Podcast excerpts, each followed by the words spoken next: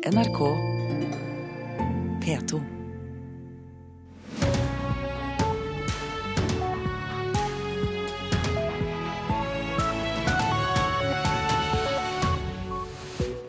Mot valgseier for de konservative og David Cameron viser valgdagsmåling i Storbritannia. Det blir viktigste sak i Nyhetsmorgen fredag 8. mai klokka 6.30. Brakvalg for de skotske nasjonalistene var det også. Vinner eh, mange kretser fra Labour. Og den skotske løve har brølt, sier tidligere SNP-leder Alex Salmon. There is a rock blowing through the great glen of Scotland this morning. The Scottish lion has roared this morning across the country. Og det er leteaksjon etter savnet mann i fjellområdet i Nord-Trøndelag. Og norske foreldre krangler om barnas fremtid som aldri før. Ja, I Storbritannia ser statsminister David Cameron og de konservative ut til å ha gjort et eh, godt valg. Resultatene fra alle valgkretser er ikke kommet inn ennå, men de konservative ser ut til å bli klart største parti. Regjeringspartner Liberaldemokratene har gjort et eh, svært dårlig valg, og det har også Labour. Og I Skottland har Labour tapt alle setene, og dette sa partileder Ed Miliband for eh, svært få minutter siden. Now, the results are still coming in, for the Labour Party. We haven't made the gains we wanted in England and Wales, and in, and in, and in Scotland. And in Scotland, we've seen a surge of nationalism overwhelm our party. Now, I want to say to all the dedicated and decent colleagues in Scotland who have lost their seats that I'm deeply sorry for what has happened. Han er eh, svært lei seg for det som skjedde. Ed Miliband, som altså er leder av eh, Labour. Jan Erik Mustad, førstelektor ved Universitetet i Agder. Du er med oss fra London, og du er en Storbritannia-kjenner. Og la oss ta Labour først, siden vi hørte Ed Miliband. Hva var de viktigste årsakene til at de gjorde det så dårlig? Nei, Jeg tror det er flere årsaker. Den, den, fremste årsaken er nok at ikke de har tørt, velgerne har rett og slett ikke tørt å, å stemme på Labour. Eh, Ed Miliband har ingen erfaring som statsminister. Han har ikke gjort noe spesielt god valgkamp heller. Eh, så jeg tror nok her vi har et utslag av at folk har falt ned på eh, det tryggeste. Og det tryggeste i denne sammenhengen var de konservative. og Dermed så ser en da disse voldsomme utslagene. Hva eh, gjorde statsminister David Cameron i innspurten for å oppnå dette resultatet? Jeg tror spilte veldig på denne økonomiske eh, politikken som de har ført, selv om det har vært veldig eh, negativt for, for, veldig mange eh, nedover på den sosiale rangstigen. Eh, så ser de allikevel at eh, de har hatt en økonomisk, liten økonomisk vekst i, i landet. han har vist veldig klart hvilken vei han ønsker å gå. Eh, han har vært åpen hele tida eh, om at eh, hvis, hvis, de vil fortsette denne utviklingen, så må de iallfall ikke stemme Labour, men de må holde seg til de konservative. Vi ser da at denne juniorpartneren i koalisjonen de siste fem årene, Liberaldemokratene, får, får, veldig dårlig oppslutning og har tapt enormt fram til nå. Og De er blitt straffa for å være det minste partiet i koalisjonen, mens Labour da ikke er i nærheten av det de ønsker seg i, i forhold til i forhold til å ha en reell utfordrersjanse til de konservative. Ja, Liberaldemokratene har jo vært juniorpartner i denne koalisjonen i eh, fem år. Han klarte seg så vidt det var. Nick Legg, Liberaldemokratenes leder, han ble gjenvalgt. Vi skal høre fra hva han også sa for noen minutter siden. Turning to the national picture, it is now painfully clear that this has been a a cruel and punishing night for the Liberal Democrats. Ja, Klarere kan vel ikke sies, Mustad. Hva skal liberaldemokratene nå gjøre med dette, når de er desimert så til de grader? Nei, Nå må de vente og se hvor mange stemmer de får. Men, men hvis valgdagsprognosen på 316 seter de konservative er riktig, og vi ser at de får over 300 eh, seter, ja, så kan det være at det er godt nok til at de går eventuelt i en mindretallsregjering. Eh, fordi at det blir nesten for voldsomt å da samarbeide med eh, liberaldemokratene en gang til, når liberaldemokratene har så få mandater i Underhuset som det ser ut som de kommer til å ende opp med. Eh, så akkurat den koalisjonen der eh, kan sprekke pga. at liberaldemokratene har gjort det så dårlig. Men eh, slik det ser ut nå, så eh, er det vel da grunn til å tro, som du sier, at de konservative danner ny regjering, at den statsministeren blir David Cameron, som han har vært frem til nå, og at de leter seg fram til nok støtte i Underhuset til at en mindretallsregjering skal kunne klare seg. Ja, sånn som det ligger an nå, så, så, har de ikke så veldig mange alliansepartnere å danne en koalisjon med. Eh, og Hvis de får over 300 seter sjøl, vi tipper at de måtte ha 290 eh, eller flere for i det hele tatt å ha en mulighet til å danne en eh, mindretallsregjering. Hvis de nå får over 300, som det ser ut som, eh, som de gjør, så vil det være nok, også rent konstitusjonelt, til å kanskje klare seg i en mindretallsregjering. Og Den tidligere lederen av de skotske nasjonalistene, Alex Salmon, hørte vi her helt innledningsvis. Han sa at den skotske løven brølte i natt. Hva skal SNP bruke de nye parlamentsmedlemmene til? De skal prøve å få den beste mulige ordningen for Skottland etter folkeavstemningen om uavhengighet i Skottland, som det skotske nasjonalistpartiet tapte i september i fjor. Eh, så lå de litt tilbake med brukket rygg, trodde folk. Nicola Sturgeon har gjort en fantastisk jobb med å få partiet tilbake igjen, ikke bare på fote, men har rett og slett nå sveipa ut alt som kan krype og gå av opposisjon i Skottland. Eh, og det er nesten ikke måte på superlativer som, som hun har fått i løpet av denne valgkampen. Så de skal jobbe for et eh, sterkt Skottland. De skal sørge for at de får det de ble lovd etter folkeavstemning, noe mer indre selvstyre, klarere økonomisk makt i Skottland. Og, og eh, det, er nesten ikke til å tro det politiske jordskjelvet som vi har vært vitne til i Skottland. Det skal vi sikkert høre mer om i denne sendingen. og Så legger vi til at Nicola Sturgeon hun holder seg nord for Hadrian's Wall. Hun ble jo ikke valgt inn i parlamentet og ville det heller ikke. Hun holder seg der i Skottland som leder av SNP. Ikke sant, Mustad?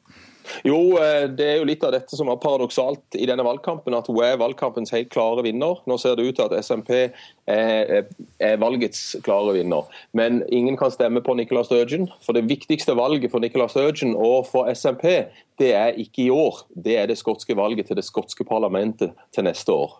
Så her hadde SMP alt å vinne. Da tar vi det den, når, når, den tid kommer. Takk skal du ha, Jan Rik Mustad, førstelektor ved Universitetet i Agder, som altså var med oss eh, fra London. Det britiske pundet har styrket seg kraftig i natt etter at eh, valgdagsmålingen viste at de konservative ligger an til å gjøre det sterkt i valget. Overraskende sterkt, eh, mener mange. Økonomimedarbeider Sindre Heirdal, hvor store er utslagene? Ja, For valutamarkedet å være, så er det en real festoppgang for pund i dag. Mot euroen så er det den sterkeste stigningen vi har sett for pundet eh, i løpet av et døgn på over seks år. Eh, det er opp 2,2% mot euroen, eh, godt over halvannen prosent mot dollaren. Og vi begynner jo snart å nærme oss 12 kroner mot den norske krona. Så det er en veldig kraftig oppgang for pundet, som er mot de fleste valutaer i verden. Hvordan kan vi vente oss at eh, aksjemarkedet vil reagere på dette utover dagen? De vil ventelig eh, også gå bra. Det er det i hvert fall det mest naturlige å forvente seg. Eh, det som ligger bak dette her, er jo at investorene liker trygghet. De liker stabilitet. Og når utsikten er at man får omtrent den samme regjeringen som man hadde før valget, så applauderer da markedet det. Eh, det er mye tryggere å, ha det man eh, vet eh, hva er, enn noe nytt. Sånn er i hvert fall resonnementet der. I tillegg så har selvfølgelig en del investorer og, finansmarkedet i City London satt pris på innsparingstiltak. Det er ofte godt nytt blant mange av de som putter penger. Men er det noen usikkerhet også i eh, markedene og blant investorene. fordi eh, Det er jo snakk om at eh, Storbritannia skal vurdere sitt EU-medlemskap i nær framtid. Det, det, er nettopp det. Og denne såkalte brexiten eh, skaper jo veldig uro. Eh, så de har en fest nå på morgenkvisten. Uten at de helt vet hva som blir sluttresultatet, selvfølgelig. Men hvis det da blir som forventet nå, at de konservative fortsetter, så har jo David Cameron lovet en folkeavstemning innen utgangen av 2017. Og eh, da er det naturlig at eh, uroen vil stige igjen. Eh, det er det veldig mange pengeflyttere som er bekymret for. Og da må jo også Storbritannia, håper de, iallfall forhandle fram en slags norsk EØS-løsning, hvor man i hvert fall får noen form for økonomisk samarbeid med, med EU. Men dette vil prege markedene nå ventelig da, i årene som kommer. Det vil det, og det blir en av de viktigste tingene til eh, den nye statsminister Cameron. Den fortsettende statsminister Cameron, nettopp dette med forhandlingene med EU. Takk skal du ha, Sindre Heyerdahl, økonomimedarbeider. Nå hjem igjen og til norske foreldre. De krangler om barnas framtid som aldri før, nemlig. I fjor var 2700 saker til behandling i domstolene, mens familievernet tok seg av 17600 saker, skriver VG. Nå skal barna bli hørt, og man har laget en egen informasjonsfilm rettet mot barna. Tvistene mellom foreldre dreier seg om samvær, hvor barna skal bo og hvem som skal ha foreldreansvaret. Det har også vært ei dobling i tallet på tvangsvedtak i barnevernssaker fra 2009 til 2014. Nå ønsker Domstoladministrasjonen og Barneombudet at barna sine retter skal få mer merksemd. I fjor ble lova endra slik at barn under sju år skal bli hørt før ei avgjør blir tatt. Dommeren har sjøl ansvaret for at barnet blir informert om hva som ble bestemt i saka. Domstoladministrasjonen og Barneombudet har også laga en film for barn som er involvert i tvistesaker. De håper at filmen skal være med på å dempe konfliktnivået og få barnets mening tydeligere fram. Barneombudet sier til VG at filmen er et viktig bidrag for å sikre at barna blir hørte. Reporter Marte Njåstad. Så til det avisene har på sine forsider her eh, hjemme. Mange aviser har spesialutgaver i dag i forbindelse med frigjøringsdagen 8. mai. Det er 70 år siden jubeldagen, som ble feiret med sydlandsk temperament og festivitas, skriver Bergensavisen. Et lykkelig folk feirer friheten. Dagsavisen gjengir en forside fra maidagen i 1945, da avisa het Arbeiderbladet. Og dagens utgave av avisa er også da viet frigjøringsdagen. Flyktet til Sverige med giftpille i lomma, forteller Adresseavisen om 90 år gamle Lita Deinvoll Jensen. Som tenåring var hun kurer for norske sabotører, og hun er en av de mange som vi nå får vite mer om etter at forsvarsminister Ine Eriksen Søreide etterlyste de glemte heltene. 70 år etter kan nemlig de glemte heltene bli hedret, skriver Aftenposten. Regjeringen har fått tips om 400 personer som nå blir foreslått hedret for sin innsats under krigen. Det var galskap det vi var med på, sier grenselosen Åge Auli til Nasjonen. Han og broren Ole var bare smågutter da de ble kurerer og grenseloser under annen verdenskrig. Det var ikke enkelt å håndtere seinere i livet, for det ble ettervirkninger og nerver, sier Auli. Motstandsmannen Ragnar Ulstein mener nordmenn fikk freden i gave uten å vinne den, kan vi lese i Vårt Land. Jeg er ikke så trygg på friheten vår i dag som jeg var i 1945. Nå mener Ulstein at den er under press. 8. mai 1945 var år null. En ny verden skulle stige fram fra ruinene, skriver den nederlandske historikeren Ian Borunma i Klassekampen. Men store deler av det som ble bygget opp, er nå borte. Konsensus er brutt sammen. Vi har mistet det politiske kompasset vårt, sier den nederlandske historikeren. Sjokktall viser at KrF-ere snur og sier nei til Siv og Erna, er oppslaget i Dagbladet. En rundspørring avisa har gjort blant KrFs tillitsvalgte, viser at nesten 56% av dem foretrekker et regjeringssamarbeid med Arbeiderpartiet og Senterpartiet. Slurver ansatte med IT-sikkerhet bør det være oppsigelsesgrunn, sier Christian Sturla Svendsen i advokatfirmaet Lynx til Dagens Næringsliv. Å slippe hackere inn på nettverket er like alvorlig som å glemme å låse porten, sier han. Og flere foreldre krangler om eh, barna, bosted, samvær og ansvar, som vi hørte om i vår egen sending, men som vi også kan lese om på førstesiden i VG i dag. Det var over 20 000 slike konflikter foreldre imellom i fjor. Nå om den svenske langrennsløperen Johan Olsson, som skal konkurrere for et norsk privatlag. Olsson har, fått, uh, har tatt 13 OL- og VM-medaljer, og bytter dermed fra verdenscup til langløp som Vasaloppet og Birkebeineren. Manager for Team Santander, Nils Marius Otterstad, gleder seg til å få Olsson på laget, som fra før bl.a. består av brødrene Jørgen og Anders Aukland. Vi har hatt en dialog med Johan Olsson siden 2010 og kjenner hverandre veldig godt. og Vi kom til en enighet at tiden hans var moden for å satse på det han ikke har vunnet, og det er f.eks. Eh, renn som vaterloppet og Birkebeineren. Forteller en klart henrykt Nils Marius Otterstad. Team Santander-manageren er klar over at de har sikret seg kanskje Sveriges største langrennsnavn til stallen foran den kommende sesongen. Det betyr kjempemye å ha en eh, nok en levende legende inn i teamet bygger moral og ikke minst inspirasjon for kommende sesonger. Olsson er for mange svensken som alltid er sjuk, men som likevel vet å finne formen til mesterskap der det virkelig gjelder. Seks medaljer i OL og hele sju i VM, deriblant gullet på femmila i Val di Fiemme i 2013, da han brøt med feltet og gikk nesten fire mil i ensom majestet, er alle synlige bevis på 35-åringens kaliber. Det er klart! Det blir svensk gull! Vi har badet i silver i to uker, men nå fikser Olsson guldet! Nå blir han et fullverdig medlem av laget sammen med brødrene Aukland, både i løp og på samling. Og ambisjonene er klare. Han satser på alle langløpene i denne langløpscupen Ski Classics, eh, og peker seg ut da Marcelonga, Vaseloppet og Birken som hovedmål. Men i et lag spekket med legender kryper snittalderen taktfast nærmere 40.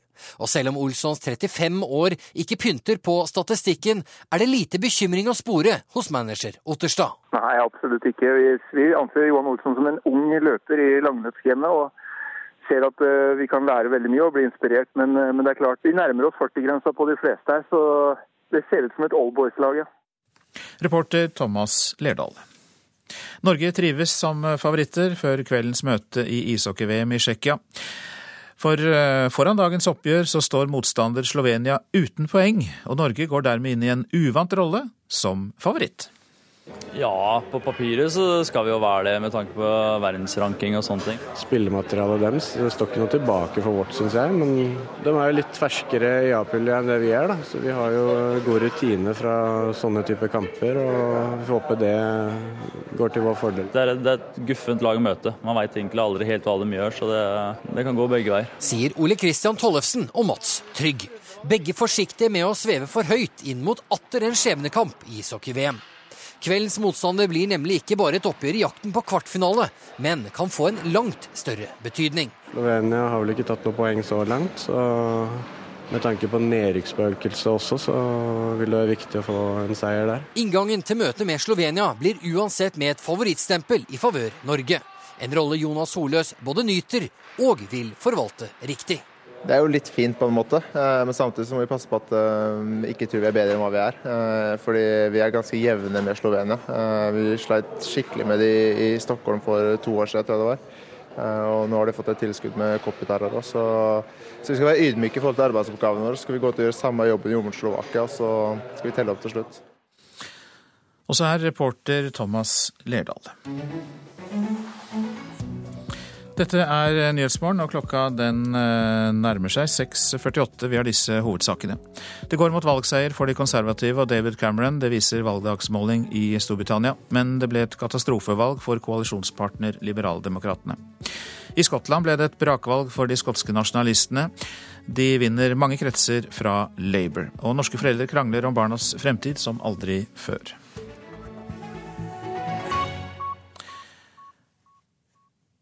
I dag er det 8. mai, og vi eh, markerer eh, frigjøringen på flere måter. Nå skal vi høre at omtrent halvparten av alle omkomne nordmenn under krigen var sjømenn. Krigsseilerne var avgjørende for en alliert seier, for de fraktet våpen, drivstoff og andre viktige varer over farefulle havstrekninger. Likevel ble innsatsen ikke sett i samtiden. Møtet med frigjøringen ble for mange av krigsseilerne et antiklimaks. Og folk liksom så lå i vann og oljesøl og Uff, det var fælt. Det var det, det var, det var ugreit. Ja, hvordan opplevde du det? Det er liksom du måtte ta en dag om gangen, eller en time for time, for å si det sånn. Den tidligere krigsseileren Sverre Johan Haga hadde havet som arbeidsplass under krigen. Og med en konstant trussel hengende over seg var hverdagen tøff for sjømannen som gikk klar av døden gang på gang. Sverre opplevde jo dette med, med, der det var en båt som ble senka rett bak dem. Det var en båt lenger framme som ble senka. Uh, og, og, det kunne like godt vært de. Sier Atle Skarstein, som har skrevet bok om de tidligere krigsseilerne fra Sola. Totalt ble over 30 000 sjømenn det som kalles krigsseiler under andre verdenskrig, og gjorde en viktig jobb for de allierte med å frakte drivstoff, ammunisjon og andre varer. Men hverdagen i konvoi over verdenshavene var dramatisk. Dette er jo ekstremt, der du sjøl er et av, av uh, sitting ducks. Du er et av målene. Du vet at det er en tysker. Ser han deg, så vil han senke deg. Dødsfrykt hver dag gjennom hele krigen gjorde noe med krigsseilerne. Mange fikk det som i de dager ble kalt nerveproblemer, forteller Sverre. Det har jeg òg fått. Jeg har det, for jeg er jo ikke, jeg var jo ikke den som så, så, så, så er noe sånn hard lenger, for så vidt. Det har jeg aldri vært, men eh. Krigen forandra mange, og for flere krigsseilere ble faktisk frigjøringen et antiklimaks, sier forfatteren. Jeg tror, jeg tror, bare ikke folk visste hva, disse, hva sjøfolk hadde vært utsatt for. Og de fikk heller aldri en skikkelig avslutning på krigen. Hvorfor ikke? Nei, der, der, De som hadde gjerne vært i den norske, norske brigaden i Skottland, de, hadde, hadde, de, kom tilbake. De hadde ikke vært i kamp en eneste gang. De kom tilbake og fikk paradere og gå i tog foran Slottet og blitt hedra av publikum som sto og vaia med flagg. Sjøfolka kom hjem som regel lenge etter at freden var over. Folk prøvde å vende tilbake til dagligdags liv, så kom de hjem. Det ble aldri noen parade. Eh, I stedet for så ble de bedt om å seile enda en tur. For Norge måtte jo bygges opp. Og da var det sjøfolka igjen som stilte opp. Og folk rundt, føler du liksom at den jobben dere gjorde under krigen, eh, ble verdsatt? Nei, det tror jeg ikke. Nei, for de trodde visst at vi hadde visst sol og sommer hele veien. Og det var først i 2013 regjeringen ba krigsseilerne om unnskyldning på vegne av den norske stat. Reporter Lise Andreassen Hagir. NSB må ta tak i sin lite ærerike krigshistorie. Det sier konservator ved Jernbanemuseet i Hamar, Bjørg Eva Aasen. I en ny utstilling kaster museet nytt lys over NSBs omfattende forretningssamarbeid med nazistene. På veggen henger et gammelt brev fra Norges Statsbaner, stilet til statspolitiet i Trondheim. Her står det 3045 kroner kosta det å få sendt trondheimsjødene i 1942. Og det ville de ha dekka da, av statspolitiet. Fraktoppdrag for fienden gjorde krigen til en gullgruve for NSB.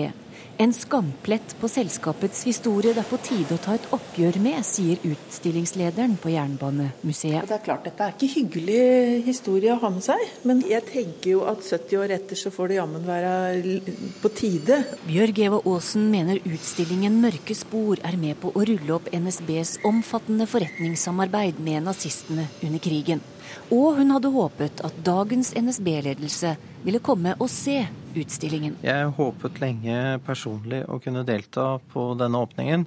Det har jeg ikke anledning til. Jeg måtte prioritere tiden min annerledes. Sier kommunikasjonsdirektør Åge Kristoffer Lundeby. Jeg tenker jo at det eh, føyer seg litt inn i mønsteret om å unnvike en ubehagelig fortelling. NSBs mørke historie er i gang før kapitulasjonen er et faktum.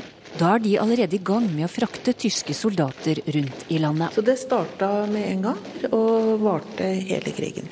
Det er her denne vanskelige diskusjonen kommer inn. Hva som ble gjort frivillig, som eh, rett og slett som en forretningsstrategi, og hva som de opplevde at var eh, tvang under eh, fremmed okkupasjon. Troppeforflytting, frakt av våpen, ammunisjon og kjøretøy. Alt på NSB sine skinner. Og som i Trondheim, NSB var på pletten da jøder fra hele landet skulle fraktes til Akershus-kaia for å deporteres i november 1942. Og det er klart at det er ikke noe noen har lyst til å skryte av i ettertid. Jeg er ikke ferdig med å sette lyset, ser du. På en annen vegg henger en kopi av et fangekort. Krigsfange på en av NSBs eh, leire. Fange nummer 129392. Og han ble skutt under flukt. En stor del av utstillingen vies hvordan NSB samarbeida med tyskerne om utbygging utbygging av Nordlandsbanen. Dette har da NSB i 70 år forsøkt å fortie. Sier forfatter Bjørn Vestli, som har bidratt til utstillinga. I vinter kom han med boka 'Fangene som forsvant NSB og slavearbeiderne på Nordlandsbanen'. Det er skammelig. Det er rett og slett flaut. Er hans mening om NSBs fravær på utstillinga i dag? Vi er åpne når vi blir spurt, så er det sikkert noen som ønsker å spekulere i om vi ikke er interessert i krigshistorie, og ikke er interessert i oppmerksomhet rundt dette. Dette kan jeg på det sterkeste avvise. Kommunikasjonsdirektør i NSB Åge Kristoffer Lundeby der, og reporter var Torunn Myhre. Skatteetatens momskrav mot konserthusene er i strid med det som var hensikten da den nye momsloven ble vedtatt, mener noen av Norges fremste skatte- og avgiftsjurister. Skatt Vest har varslet at konserthusene i Stavanger og Kristiansand samlet må betale tilbake over 550 millioner kroner i moms. Momskravet får skarp kritikk i en rapport bestilt av Konserthuset i Stavanger. Vi er eh, dypt uenige på et faglig grunnlag på eh, det varselet som har kommet. Det sier partner Bård Ivar Koppang i advokatfirmaet Price Waterhouse Coopers, PwC. Han sikter til momskravet på til sammen over 550 millioner kroner mot konserthusene i Stavanger og Kristiansand. Det vi reagerer på er eh, primært rettskildebruken. Og det har sammenheng med at vi da ikke ser spor av drøftelser rundt forarbeidene i dette varselet som har kommet. Koppang snakker her om forarbeidene til en lovendring som kom i 2008. En justering som skulle sørge for at Norge ikke bryter EØS-reglene når kommuner får refundert moms på sine byggerier og aktiviteter. Eh, man må starte med utgangspunktet. Hva var lovens formål? Det var å oppfylle Norges forpliktelse til EØS-avtalen, og da bruddet som man hadde hatt på statsstøttereglene. Og Det var begrunnelsen. Man ønsket heller ikke å gå lenger enn det. Det fremgår veldig klart av forarbeidene. Velkommen til din møtested for kunst og for kultur, for utfoldelse, for opplevelse og for fellesskap. Stavanger konserthus ble åpnet i 2012. Da hadde advokatfirmaet PwC allerede jobbet med momssaken i Stavanger i flere år. I en ny rapport til sin oppdragsgiver skriver juristene at Konserthuset i oljebyen i det alt vesentlige har krav på de 256 millioner kronene som skatteetaten nå krever tilbakebetalt. Det mener vi har godt rettslig grunnlag for også, både i forhold til eh, forarbeidene, i forhold til EUs kulturunntak, at det også i eh, forarbeidene er uttalt at kulturområdet skulle være unntatt. Og så har man da i tillegg også Finansdepartementets brev fra eh, juni 2013 som gir uttrykk for det samme. Verken skatteetaten eller Finansdepartementets politiske ledelse ønsker å kommentere den ferske rapporten fra PwC, fordi saken ikke er avsluttet. Men det gjør gjerne oppdragsgiveren, som er Konserthuset i Stavanger. De har nå på en veldig klar og god måte vist at den tolkningen som eh, skattekontoret har lagt til grunn, ikke er i samsvar med det som var lovgivers intensjon. Sier administrerende direktør i Konserthuset Per Harald Nilsson. Konserthuset i Stavanger vil bruke rapporten i sitt svar til skattemyndighetene. Reporter var Anette Johansen Espeland. Så tar vi for oss eh, værvarselet fram til midnatt. Fjellet i Sør-Norge, enkelte snø- eller sluddbyger. I kveld avtagende nedbør. Østland og Telemark noen regnbyger nord i Hedmark, ellers opphold og en del sol. Agder på kysten perioder med liten kuling, enkelte regn- eller sluddbyger i vest, ellers mye pent vær. Rogaland og Hordaland enkelte regnbyger, fra i ettermiddag skiftende bris, opphold og lettere skydekke. Sogn og Fjordane sørvest opp i sterk kuling ved Stad. Regnbyger seint i ettermiddag, minkende vind og bygeaktivitet. Møre og Romsdal og Trøndelag sørvest opp i stiv kuling på kysten. Enkelte regnbyger, perioder med sol. Nordland først på dagen stort sett pent vær i nord, ellers enkelte regnbyger. Og kort og godt i Troms, der blir det nemlig stort sett pent vær. Finnmark først på dagen perioder med sørlig liten kuling i kyst- og fjordstrøkene. Noe skyet i indre strøk, ellers mye pent vær. Og Nordensjøland på Spitsbergen, der blir det liten kuling utsatte steder og stort sett oppholdsvær. Så tar vi for oss temperaturoversikten, og det var da fra klokka fem i natt. Svalbard lufthavn minus to, Kirkenes pluss seks, Varde har vi ikke fått inn. Alta pluss sju, Tromsø-Langnes fire, Bodø ti. Brønnøysund og Trondheim sju. Molde åtte, Bergen-Flesland fire, Stavanger fem, Kristiansand-Kjevik fire. Gardermoen tre grader, Lillehammer to grader, Røros tre grader og Oslo-Blindern hadde én grad da klokka var fem i natt. Du lytter altså til Nyhetsmorgen, og vi fortsetter etter Dagsnytt klokka sju med flere nyheter om valget i Storbritannia, som ser ut til å gå mot en valgseier for det konservative partiet. Og nå forlater vi altså våre lyttere i NRK P1 pluss, men for dere i Alltid nyheter og P2 så fortsetter Nyhetsmorgen. Og Hvis det er flere rapporter og kommentarer om valget i Storbritannia du vil ha, så må du holde deg her hos oss, for det skal vi nemlig ha en god del av utover i Nyhetsmorgen. Men vi skal også snakke om promille til sjøs. Det er stor forskjell på hvordan politidistriktene håndterer alkoholbruk blant båtførere. Og Kristelig Folkeparti vil flytte 1000 statlige arbeidsplasser ut av Oslo. Ja, vi hørte det i Dagsnytt, og vi sier det igjen. Det er statsminister David Camerons konservative parti som ligger an til seier i britenes valg. Regjeringspartner Liberaldemokratene har gjort et dårlig valg, og det har også Labour. Det var en skuffet Labour-leder Ed Miliband som møtte pressen for en halvtimes tid siden. Now, the results are still coming in, but this has clearly been a very disappointing and difficult night for the Labour Party. We haven't made the gains we wanted in England and Wales. And in, and in, and in Scotland, and in Scotland, we've seen a surge of nationalism overwhelm our party. Now, I want to say to all the dedicated and decent colleagues in Scotland who have lost their seats that I'm deeply sorry for what has happened. Ja, det sa Ed Miliband, en nasjonalistisk bølge som har skyllet inn over Skottland. Espen Aas, du er vår reporter. Du er i Glasgow i Skottland. Hvordan har denne bølgen virket inn? Ja, Den jo, eh, ser jo ut til å gå over alle forventninger. Her er jo relativt mange av eh, setene allerede talt opp, så det er jo klart at eh, det skotske nasjonalistpartiet har så langt tatt 48 av de 59 setene her oppe. Og med tanke på at de i forrige periode hadde seks seter i parlamentet, så er jo det et valgskred helt uten sidestykke i britisk politisk historie. Og Du har også gått igjennom nettavisen og plukket opp informasjoner. Hvordan er reaksjonene? Det er jo uh, mange historier uh, selvsagt her, men, men, at skottene gjør et sånt brakvalg er jo uh, selvsagt et alvorlig signal ned til London.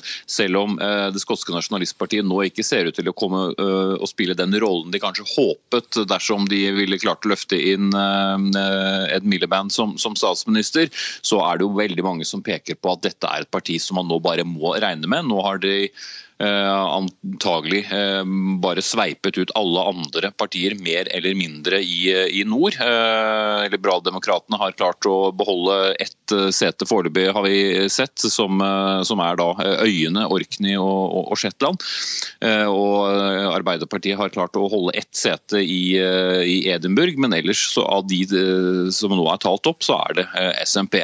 Liberaldemokratene er jo den andre historien, som har opplevd et massivt Eh, fall. og De eh, mister jo vanvittig mange seter sammenlignet med i dag, og ender kanskje nede på eh, ti seter. Statsministeren i Storbritannia, la oss se landet som helhet, het David Cameron i fem år. Vil han fortsette å hete det? Det ser absolutt slik ut. Valgdagsmålingen som kom i går kveld ga ham ikke flertall. Den viste 316 seter og at han ville kreve ti til. Men nå gjennom natten så har de som står bak denne valgdagsmålingen skrevet den noe frem. Og det siste de tror nå er at David Cameron faktisk nesten får et uh, flertall. han ligger an til å få 325 av setene. Hvis vi da justerer de totalt 650 setene for Sinn Fein, som fem, hadde fem seter i forrige periode, uh, men de møter aldri i, i, Westminster fordi de ikke anerkjenner parlamentet, så trenger han jo faktisk ikke 326 seter for å ha flertall. Og hvis dette nå stemmer, at han får 325, ja, så har han et flertall alene. Men selvfølgelig ytterst knapt mister han noen parlamentsmedlemmer gjennom perioden, så kan han risikere å komme i mindretall. Mange takk skal du ha i denne omgang, Storbritannia-korrespondent Espen Aas, som rapporterte for oss fra Glasgow.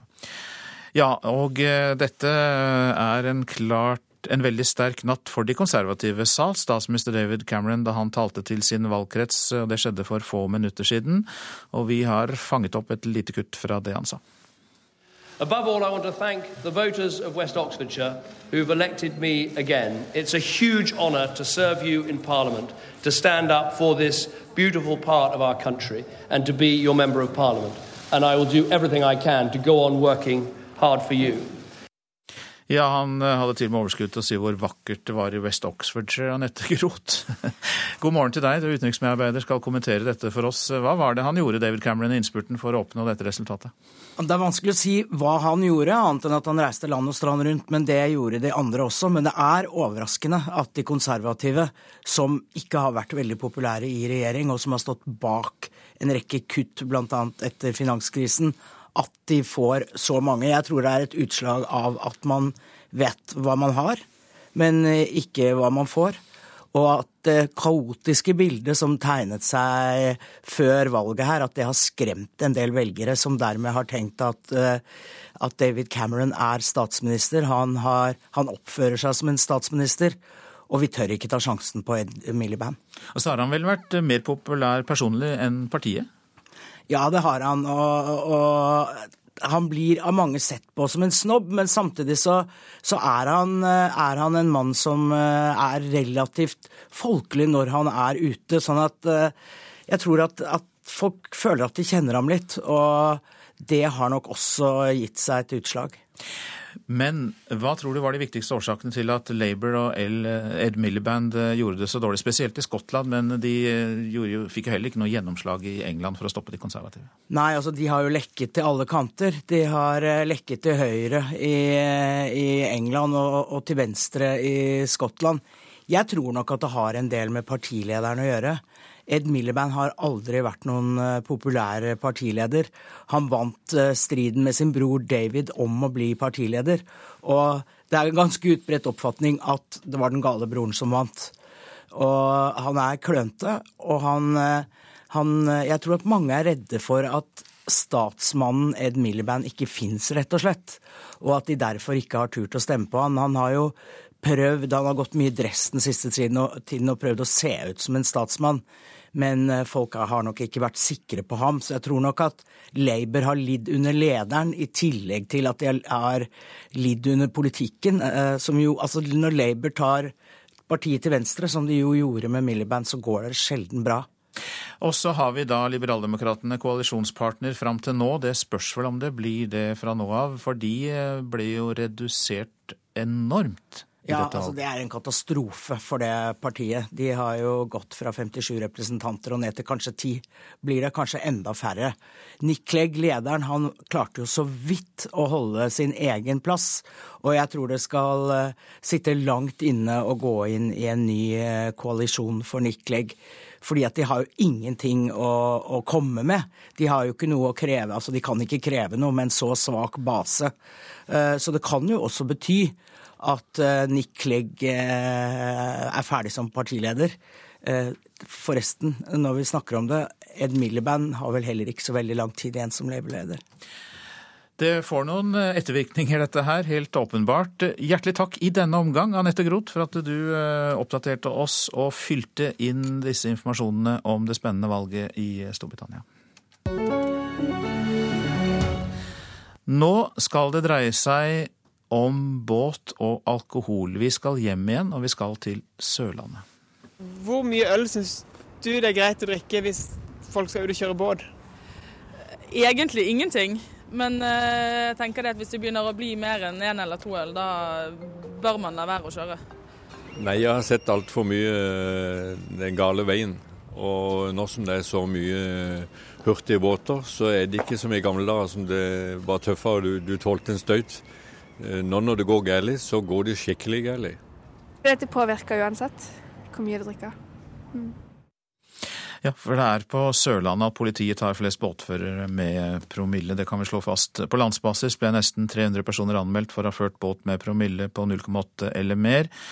Og det dystre bakteppet er jo at det årlig dør seks personer i ulykker der båtføreren har drukket alkohol. Så er det altså stor variasjon i hvordan de ulike politidistriktene prioriterer promillekontroll på sjøen. Vi er ute med politibåten utenfor Stavern i Vestfold. To motorer med 300 hester i hver gir luft i luggen.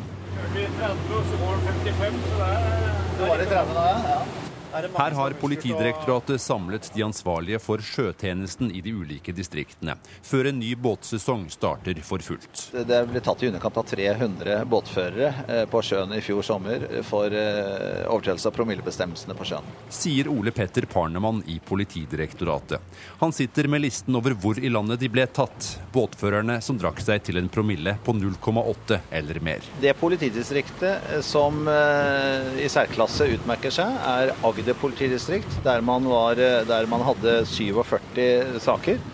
Jeg tror det er flere forklaringer på det. Sier koordinator for båttjenesten i Agder, Miriam Stausland.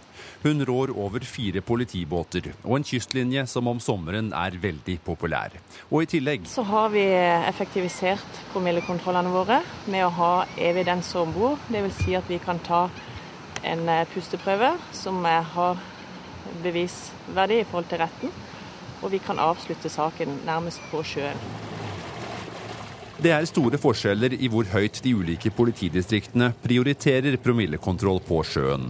Men en fellesnevner er at nesten alle som blir tatt, er menn. Agder tar flest, deretter kommer Hordaland, Telemark, Østfold og Vestfold. Parnemann i Politidirektoratet ønsker seg at flere politidistrikt ser mot Sørlandet. Av de innrapporterte tallene så ser det ut til at Agder politidistrikt anvender sine fire politibåter på en veldig bra måte. Vi skulle gjerne sett at også andre politidistrikt ga denne tjenesten den prioritet som det ser ut til at Agder gjør. Hans Erik Veiby og Fredrik Lauritzen hadde laget dette innslaget. Og god morgen til deg, Frode Pedersen. Takk. Du er kommunikasjonssjef i Redningsselskapet. Og fortell meg hva dine kolleger ser og opplever når de er ute på sjøen. Ja, Man må bare få lov å presisere at vi har jo ingen politioppgaver på sjøen. Vår primære oppgave er å redde folk og men hjelpe folk på sjøen. Dere, ja, det forstår ja. jeg. Men, men, dere ser en del ting som vi, kan være interessant i denne sammenheng? Vi eh, møter selvfølgelig mange alkoholpåvirka båtførere. Og det som er synd, er at veldig mange av dem vi hjelper, de har faktisk vært utsatt for alvorlige ulykker. Og det er jo ikke noe vi setter noe særlig pris på. Vi, vi vil gjerne møte båtfolket når de er edru og klarer å kjøre båten sin på en god måte. Hvordan håndterer mannskapene til Redningsselskapet disse fulle båtførerne? Du, vi tar vare på dem, vi hjelper dem og vi, vi, får dem til land. Og så er det andre instanser som tar over eventuelt hvis det er politioppgaver knytta til, til redningen. Men er det slik at de må regne med at dere sier fra til politiet? Nei, vi sier ikke fra til politiet. Det er ikke vår oppgave. Vi, tar vare, vi berger folk, og vi tar vare på, på båten og redder det vi skal redde. Men hvis du opplever en bilfører som åpenbart er beruset, så har man en forpliktelse til å si ifra. Har ikke dere også en forpliktelse til å si ifra hvis dere ser fulle båtførere?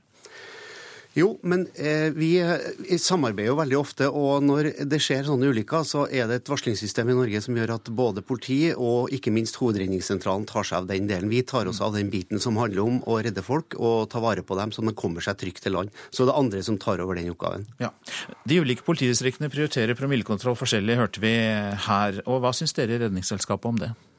At vi eh, du gjenta spørsmålet? At, at politidistriktene de legger jo prioriterer promillekontroll forskjellig? Ja. Ja, det, vi, som sagt, vi, vi, mener jo at det kan Altså, vi er for en skjerping av promillegrensa på, på, sjøen.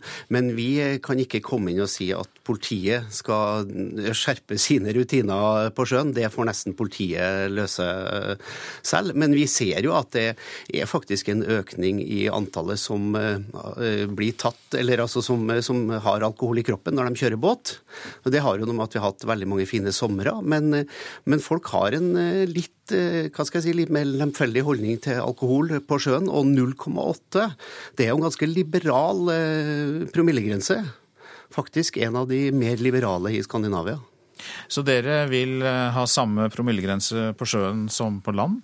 Nei, vi skal ikke ta stilling til promillegrensa. Vi ønsker at det skal skje en debatt rundt det med promille på sjøen. Nettopp pga. at båtlivet har blitt mye større, og båtene har fått større fart. Og det generelle båtlivet syns vi bør tåle denne debatten. Og vi mener at når politikeren nå klarte å få til et vestpåbud, så kanskje de bør ta tak i fart og fyll på sjøen også, som en, som en del av det sikkerhetsarbeidet vi ønsker at politikere og politiet skal ta tak i.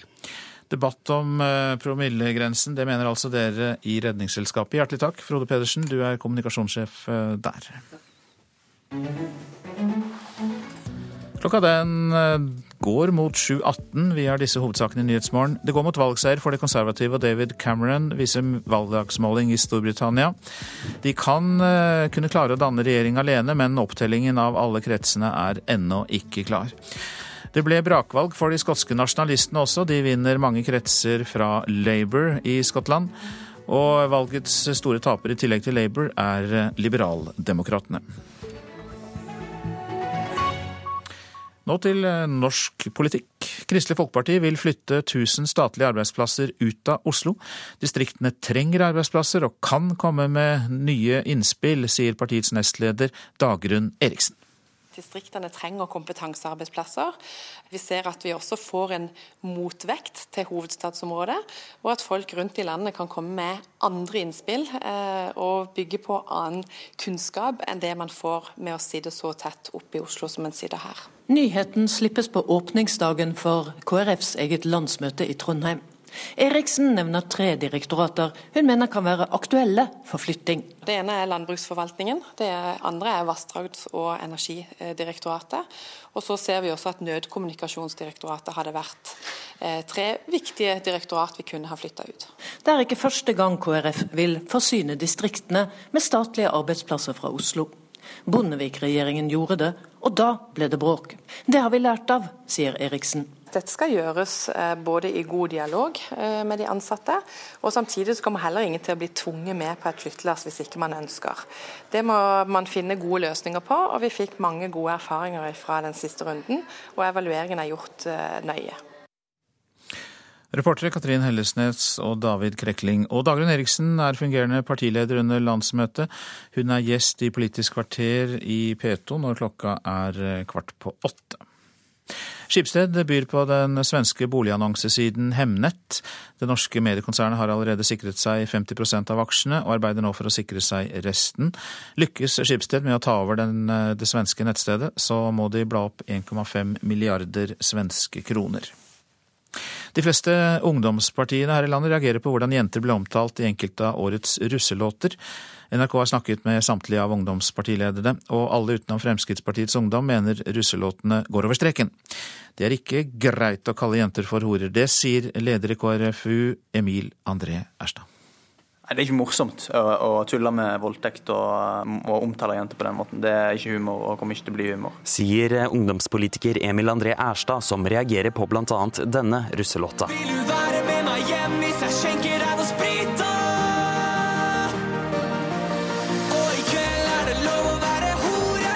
NRK har tatt en ringerunde til alle de ni ungdomspartiene, og resultatet er klart. AUF, Sosialistisk Ungdom, Rød Ungdom, Grønn Ungdom, KrFU, Senterungdommen, Unge Venstre og Unge Høyre reagerer alle på måten jenter blir omtalt på i enkelte av årets russelåter. Dette er langt over streken på hvordan vi vil omtale jenter eh, og kvinner. Da. Og særlig når de ser det i kombinasjon med at eh, det dessverre ofte er slik at ved flere av de største russetreffene så blir det anmeldt en del voldtekter. Sier Linn Elise Øen Mælen, leder i Rød Ungdom, som får støtte fra leder i Høyre, Christian Tonning Riise. Så det jo, jeg syns det ville vært rart hvis ikke alle ungdomspartiene var unisont enige om at det å kødde med, med voldtekt i en russesang kanskje ikke er helt kult. Bli med ned på kne, lille luremus.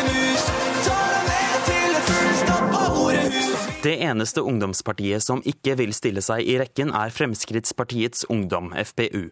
Leder Atle Simonsen mener ytringsfriheten til russen er viktigst. Jeg har ikke engasjert meg i politikk for å mene noe om russesanger. Jeg engasjerte meg ikke når Carpe Diem sang om å få en blowjob av Mette Hanekamhaug. Og jeg engasjerte meg ikke når Lars Vaulas sang om å skyte Siv Jensen. Og jeg engasjerer meg heller ikke her. Hvilket signal tror du det gir til ungdom som eh, skal på russefeiring nå, som hører disse låtene? At det er de som selv må ta ansvar for sine egne handlinger. Produsenten bak mange av de omstridte russelåtene, Andreas Haukeland, mener bare eldre mennesker tar seg nær av dem. Det har ikke lykkes NRK å få en kommentar nå. Tidligere har han avvist kritikken. Alle som er russ i år, klarer å forstå at tekstene er eh, ment som et humoristisk innslag og er bare tull. De som faktisk gjennomfører et seksuelt overgrep, har nok større mentale problemer fra før av enn at enn til at de kan skylde på en russelåt. Men hva mener egentlig russen selv om å bli kalt hore i russelåter? Nei, vet du hva, og det, det er ikke greit i det hele tatt. Og jeg blir så utrolig irritert, fordi disse mener at nei, vi promoterer bare et liberalt syn på sex. Men hvis du har et liberalt syn på sex, så er det ingenting som heter hore. Et klart synspunkt fra Maria Li Norum, som er russ ved Oslo katedralskole. Reporter var Martin Holvik. Så til det avisen er opptatt av i dag. Mange har spesialutgaver i forbindelse med frigjøringsdagen 8. mai. Det er 70 år siden jubeldagen, som ble feiret med sydlandsk temperament og festivitas, skriver Bergensavisen. Et lykkelig folk feirer friheten. Dagsavisen gjengir en forside fra maidagene 1945, den gang avisa het Arbeiderbladet. Og dagens utgave er også viet frigjøringsdagen. Flyktet til Sverige med giftpille i lomma, forteller Adresseavisen. De skriver om 90 år gamle Lita Deinboll Jensen. Som tenåring var hun kurer for norske sabotører. Hun er en av de mange som eh, vi nå får vite om, etter at forsvarsminister Ine Eriksen Søreide etterlyste de glemte heltene. Og nå kan de bli hedret, det skriver Aftenposten også om. Regjeringen har fått tips om 400 personer som nå blir foreslått hedret for sin innsats under krigen. Det var galskap det vi var med på, sier grenselosen Åge Auli til Nasjonen. Han og broren Ole var bare smågutter da de ble kurerer og grenseloser under annen verdenskrig. Og det var ikke enkelt å håndtere seinere i livet, for det ble ettervirkninger og nerver, sier Auli. Motstandsmannen Ragnar Ulstein mener nordmenn fikk freden i gave uten å vinne den, kan vi lese i Vårt Land. Jeg er ikke så trygg på vår frihet i dag som jeg var i 1945. Nå mener Ulstein at den er under press. Sjokktall viser at KrF-ere snur og sier nei til Siv og Erna, er oppslaget i Dagbladet. En rundspørring avisa har gjort blant KrF-tillitsvalgte, viser at nesten 56% av dem foretrekker et regjeringssamarbeid med Arbeiderpartiet og Senterpartiet. Slurver ansatte med IT-sikkerheten bør det være oppsigelsesgrunn, sier Christian Sturla Svendsen i advokatfirmaet Links til Dagens Næringsliv. Å slippe hackere inn i nettverket er like alvorlig som å glemme å låse porten, sier han. Som vi hørte i presserunden og tidligere i denne sendingen, så er det 70 år siden Norge igjen ble et fritt land 8. mai 1945. Tordis eh, Andersen bodde på Froste i Bamble i Telemark sammen med sine foreldre og sju søsken. Hun tenker tilbake til den gang familien var samlet på kjøkkenet, og faren plutselig kom stormende inn med en svært viktig beskjed. Pappa kom inn og sa det at nå er vi fritt. Og vi forsto ikke riktig hvorfor som var fritt. Så vi eh, Det eneste vi spurte om da, det var om at det kommer ikke tyskerne da? Og da sa han nei, tyskerne kommer ikke. Og da blei vi så glad, og så sprang vi og klemte hverandre. Vi var jo mange søsken. Jeg tror mamma hun tror jeg gråt, og hun gråt av glede. Tordis Andersen var seks år gammel den maidagen da jubelen og frihetsgleden spredte seg over Norges langstrakte land. Fem år under tysk okkupasjon var forbi, og frigjøringen markerte familien til Tordis med familien på nabogården. Jeg husker at det var en nabo, det var gård, og der kokte de eh, grøt. Og ba oss bort på grøt en kveld, men hvilken kveld det var, eller ettermiddag det var, det kan jeg ikke huske. Dette er London.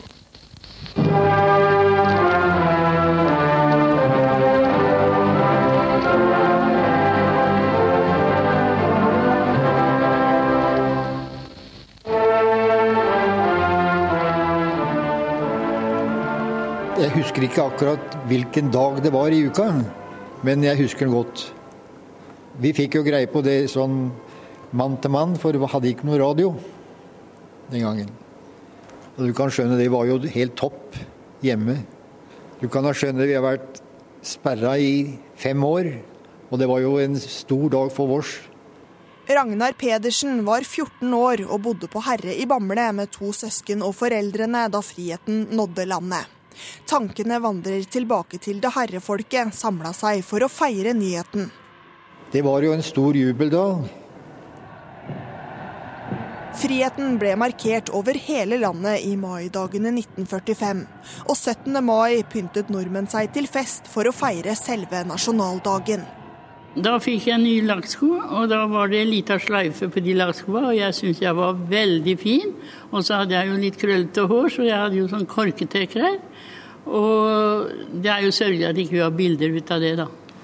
Det var vel ikke sånn at en brukte så mye apparat den gangen. Og det var reporter Jannike Møller Andersen som hadde snakket med Tordis eh, Andersen der. Kampen for fred og frihet må vi kjempe hver dag, sier tungtvannssabotøren Joakim Rønneberg fra Ålesund. Derfor mener han det er viktig å markere frigjøringsdagen i dag, 8. mai. Fred og frihet er ingen selvfølge. Det er noe man må være klar for å forsvare i alle situasjoner og når som helst. Joakim Rønneberg ledet tungtvannsaksjonen på Vemork. Han har feiret frigjøringsdagen hvert år etter 8. mai 1945.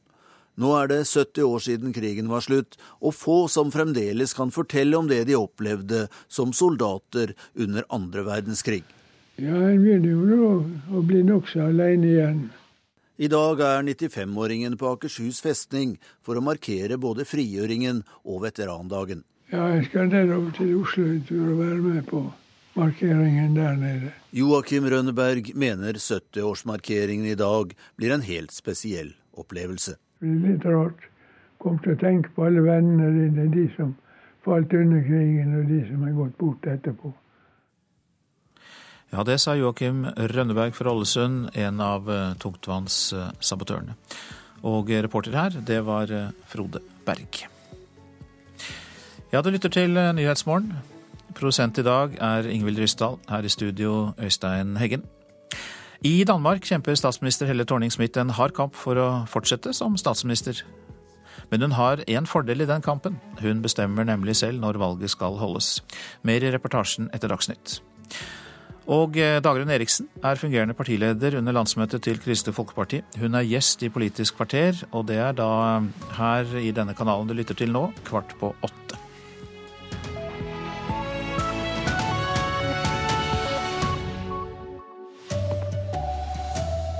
David Cameron og de konservative er valgvinnere i Storbritannia og kan få flertall alene. Sørlandet topper båtfyllstatistikken. En ny utstilling viser NSB sitt samarbeid med nazistene. Togselskapet blir sittende att med lite ære. Her er NRK Dagsnytt klokka 7.30. I Storbritannia går det mot konservativ siger i valget, og alt tyder på at David Cameron holder fram som statsminister. Regjeringspartner Liberaldemokratene har gjort et dårlig valg, og Labour er knust i Skottland, der partiet tradisjonelt har stått sterkt. Ian, Scottish Labour Party, 19,000 I Edinburgh ett sete og én seier i en eneste valgkrets til Labour i Skottland. Dette valget har én vinner i Storbritannia og én vinner i Skottland. David Cameron fortsetter som statsminister. De konservative vil kun mangle noen få seter på rent flertall i Underhuset. This is clearly a very strong night for the Conservative Party. I think we've had a positive response to a positive campaign about safeguarding our economy, about creating jobs. I Skottland har det skotske nasjonalistpartiet SNP nær visket ut Labour, og leder Ed Miliband kunne ikke annet enn konstatere at Arbeiderpartiet heller ikke klarte å gjøre nødvendig fremskritt sør i England eller i London. We haven't made the gains we wanted in England and Wales. And in, and in, and in Scotland, and in Scotland, we've seen a surge of nationalism overwhelm our party. It is now painfully clear Et brutalt og klart nederlag, sa liberaldemokratenes leder og visestatsminister Nick Clegg. Lib Dems hadde 57 i parlamentet, nå får de 10. Dermed er det meget usikkert om de vil se seg tjent med å fortsette i en regjeringskoalisjon med de konservative, om de skulle få tilbud om det. Utenriksmedarbeider Philip Lote. Korrespondent Espen Aas i Glasgow, hvorfor gjorde Cameron det så godt? Han fikk eh, rett og slett velgerne til å høre på ham. Han sa la oss eh, gjøre ferdig jobben nå. Det er ikke alt vi har gjort som eh, dere er like fornøyd med, men la oss gjøre ferdig dette nå. Ikke eksperimenter med andre ting. Og det var såpass mye usikkerhet rundt også Labour, slik meningsmålingene så ut i forkant, at de måtte samarbeide kanskje både med skotske nasjonalister og andre partier på venstresiden. Så her har jo Cameron klart å dra dette vel i havn, og nå viser jo den den siste prognosen fra BBC at han vil få flertall. Et helt knapt flertall på 325. Han trenger i praksis 323.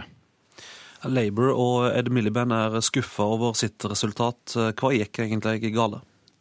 Ja, de eh, har jo virkelig tapt her. Ed Miliband klarte ikke å være den han trodde han skulle være, ei heller rådgiverne som gitt ham eh, hjelp eh, underveis. Han trodde han skulle kunne by Storbritannia på et alternativ til den sittende regjeringen. Det sa folket nei til, særlig i Skottland. Og det er jo veldig mye pga. Skottland at det har gått så dårlig, særlig for Labour. Liberaldemokratene har tapt på å være regjering. Ja, Du er i, i Glasgow. Hva kan du si om resultatet til eh, de skotske nasjonalistene? Ja, Det er jo eh, helt helt oppsiktsvekkende. Tenk på at eh, de skotske nasjonalistene har hatt seks plasser i parlamentet eh, gjennom de siste fem årene, og nå eh, ligger det an til at de skal få 57. Så det er jo en mange-mange-dobling og et klart signal til eh, London om at eh, skottene liker ikke det dere holder på med der nede. Derfor så sender vi kun våre egne skotske politikere ned, og det er noe de må ta på alvor i den regjeringen som kommer nå. At de har en landsdel som nærmest har bygget en mur mot dem politisk. Korrespondent Espen Aas i Glasgow i Skottland. Politiet på Sørlandet tar flest båtførere med promille. I fjor ble nesten 300 personer meldt for båtfyll i Norge, men det er stor variasjon i hvor høyt de eh, politidistriktene prioriterer promillekontroll på sjøen. I snitt dør seks personer hvert år i ulykker der båtføreren har drukket alkohol. Vi er ute med politibåten utenfor Stavern i Vestfold. To motorer med 300 hester i hver gir luft i luggen. Her har Politidirektoratet samlet de ansvarlige for sjøtjenesten i de ulike distriktene, før en ny båtsesong starter for fullt. Det ble tatt i underkant av 300 båtførere eh, på sjøen i fjor sommer for eh, overtredelse av promillebestemmelsene på sjøen. Sier Ole Petter Parnemann i Politidirektoratet. Han sitter med listen over hvor i landet de ble tatt, båtførerne som drakk seg til en promille på 0,8 eller mer. Det politidistriktet eh, som i særklasse utmerker seg, er Agder politidistrikt, der man, var, eh, der man hadde 47 saker. Jeg tror det er eh, flere forklaringer på det. Sier koordinator for båttjenesten i Agder, Miriam Stausland. Hun rår over fire politibåter og en kystlinje som om sommeren er veldig populær. Og i tillegg Så har vi effektivisert promillekontrollene våre med å ha evidenser om bord. Dvs. Si at vi kan ta en eh, pusteprøve som eh, har bevisverdi i forhold til retten. Og vi kan avslutte saken nærmest på sjøen. Det er store forskjeller i hvor høyt de ulike politidistriktene prioriterer promillekontroll på sjøen. Men en fellesnevner er at nesten alle som blir tatt, er menn. Agder tar flest, deretter kommer Hordaland, Telemark, Østfold og Vestfold. Parnemann i Politidirektoratet ønsker seg at flere politidistrikt ser mot Sørlandet. Vi skulle gjerne sett at uh, også andre politidistrikt ga denne tjenesten den prioritet som det ser ut til at Agder gjør. Reportere Hans Erik Veiby og Fredrik Lauritzen.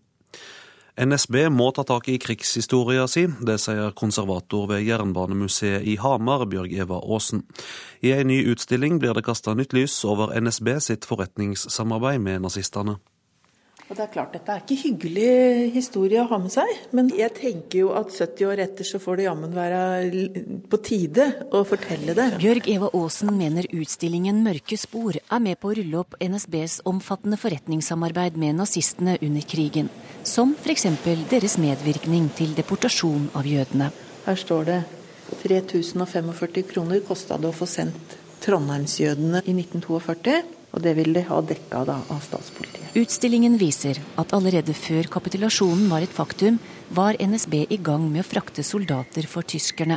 Og deres linjer sto til disposisjon for tyskerne under hele krigen. Dette er en utstilling dagens NSB-ledelse burde sagt ja til å besøke, mener hun. Jeg håpet lenge personlig å kunne delta på denne åpningen.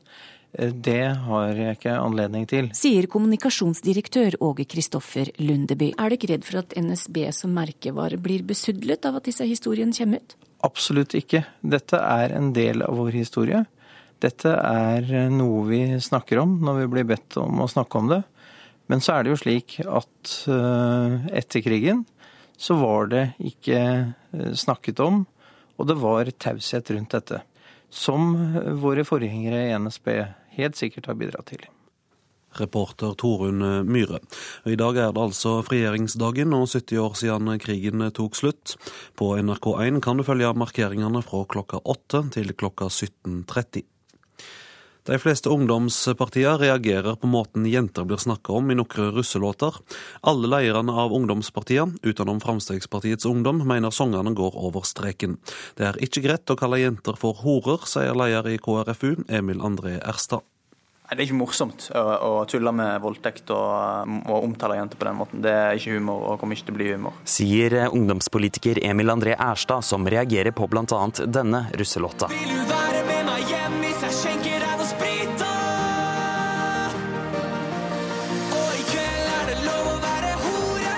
NRK har tatt en ringerunde til alle de ni ungdomspartiene, og resultatet er klart. AUF, Sosialistisk Ungdom, Rød Ungdom, Grønn Ungdom, KrFU, Senterungdommen, Unge Venstre og Unge Høyre reagerer alle på måten jenter blir omtalt på i enkelte av årets russelotter. Dette er langt over streken på hvordan vi vil omtale jenter eh, og kvinner, da. og særlig når de ser det i kombinasjon med at det dessverre ofte er slik at ved flere av de største russetreffene så blir det anmeldt en del voldtekter. Sier Linn Elise Øen Mælen, leder i Rød Ungdom, som får støtte fra leder i Unge Høyre, Christian Tonning Riise. Jeg syns det ville vært rart hvis ikke alle ungdomspartiene var unisont enige om at det å kødde med, med voldtekt i en russesang kanskje ikke er helt kult. Fremskrittspartiets Ungdom sier som eneste ungdomsparti at politikere ikke behøver å blande seg i hva russen hører på. Det har ikke lykkes NRK å få en kommentar fra produsenten bak mange av russelåtene, Andreas Haukeland nå. Tidligere har han avvist kritikken. Tekstene er eh, ment som et humoristisk innslag og er bare tull. De som faktisk gjennomfører et seksuelt overgrep har nok større mentale problemer fra før av enn til at de kan skylde på en russelåt. Reporter Martin Holvik. Ansvarlig for sendinga Bjørn Christian Jacobsen, teknisk ansvarlig Marianne Myrhol. Her i studio Vidar Eidhammer.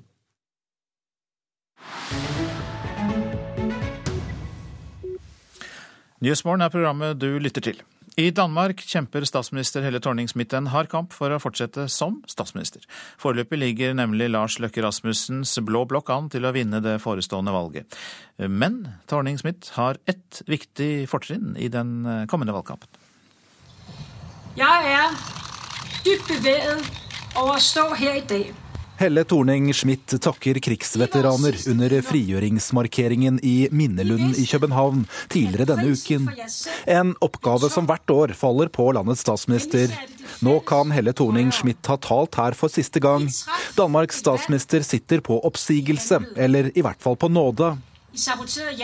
For innen september skal folket få avgjøre om hun får fortsette. Men Helle Thorning-Schmidt avgjør selv når folket skal spørres. Jeg tror hun kikker øh, selvfølgelig øh, først og fremmest på, øh, på meningsmålingerne. Altså, jeg pleier å si at, at, det eneste fornuftige man kan si omkring hvornår et valg udskrives, det er at det blir udskrevet, når statsministeren tror på at han eller hun har en realistisk mulighet for vinne det. Punktum. Uffe Tang er politisk redaktør i Danmarks Radio, og som alle sine kolleger går han i disse dager på tå hev.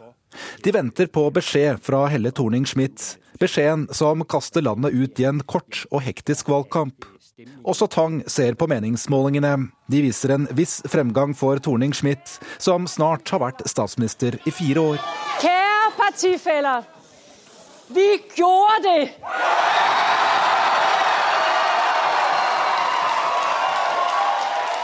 Det tok henne seks år å bli statsminister. Først i 2011 nådde Torning, som hun kalles i Danmark, toppen i politikken. Med en regjeringskoalisjon bestående av Sosialdemokratene, Sosialistiske Folkeparti og Det radikale Venstre flyttet Torning inn i statsministeriet. Problemene kom nesten umiddelbart. Velkommen til hele Thorning-Schmidt. Pipekonserten under 1. mai-arrangementet i Århus i 2013 var øredøvende. Tornings forsøk på å nå frem i alt bråket ble også et bilde på hennes regjeringstid. Hun ledet en regjering som ble beskyldt for å bryte en lang rekke løfter. Hun sto midt i en skittstorm som også inneholdt personlige angrep. På et tidspunkt måtte Danmarks statsminister gå offentlig ut og avkrefte at hennes mann var homofil. Jeg har vært ked av det. Øh, riktig ked av det når det er gått ut over min familie. Og, øh, Hva gjør du så? så har vi samlet oss som familie og øh, talt om tingene, og måske også få, få grint litt av det hvis det er noe og man kan finne der er sjovt i en situasjon, og så kommet videre. Kjære danskere, jeg har vært statsminister siden 2011. Det startet med nyttårstalen. En ydmyk Torning tar ansvar for de dårlige tider og vil se fremover. Men min oppgave er å gjøre det som er best for Danmark. Utover våren kommer flere hyggelige anledninger for regjeringssjefen. Kjære dronning Margrethe.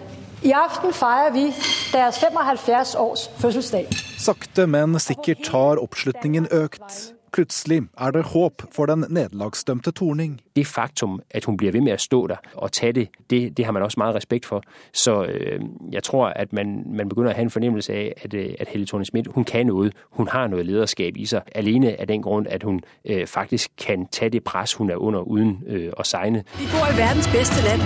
Det skal vi bevare. Men verden forandrer seg. I Danmark ruller reklamen videre. Valgkampen har vært i gang lenge. Nesten alle eksperter tror på et valg før sommeren. Nesten alle tror også at Torning vil tape. Også Danmarks Radios Uffe Tang. Hvis jeg spør deg eh, hvem blir statsminister i Danmark fra høsten av, hva svarer du da? Det syns jeg er utrolig spennende, men mitt beste bud er at det blir Lars Løkke Rasmussen. Reporter var Peter Auli Hauge, og vi legger til at det kanskje er inspirerende at Helle Thorning-Smiths ektemann Stephen Kinnock er valgt inn i det britiske underhuset for Labour fra valgkretsen Aberavon i Wales. Han er jo da sønn av tidligere Labour-leder Neil Kinnock. Så til hovedsaker i eh, dagens sending. David Cameron og de konservative er valgvinner i Storbritannia og kan få flertall alene. I Skottland har nasjonalistpartiet SNP nærmest utslettet Labour. Labour og Liberaldemokratene er de store taperne i dette valget til det britiske underhuset. Det er eh, stor variasjon i hvor høyt politidistriktene prioriterer promillekontroll på sjøen her hjemme. I fjor ble nesten 300 personer meldt for båtfyll i Norge. Og En ny utstilling viser NSBs samarbeid med nazistene og kaster nytt lys over NSBs forretningssamarbeid med NS. Hør flere podkaster på nrk.no podkast.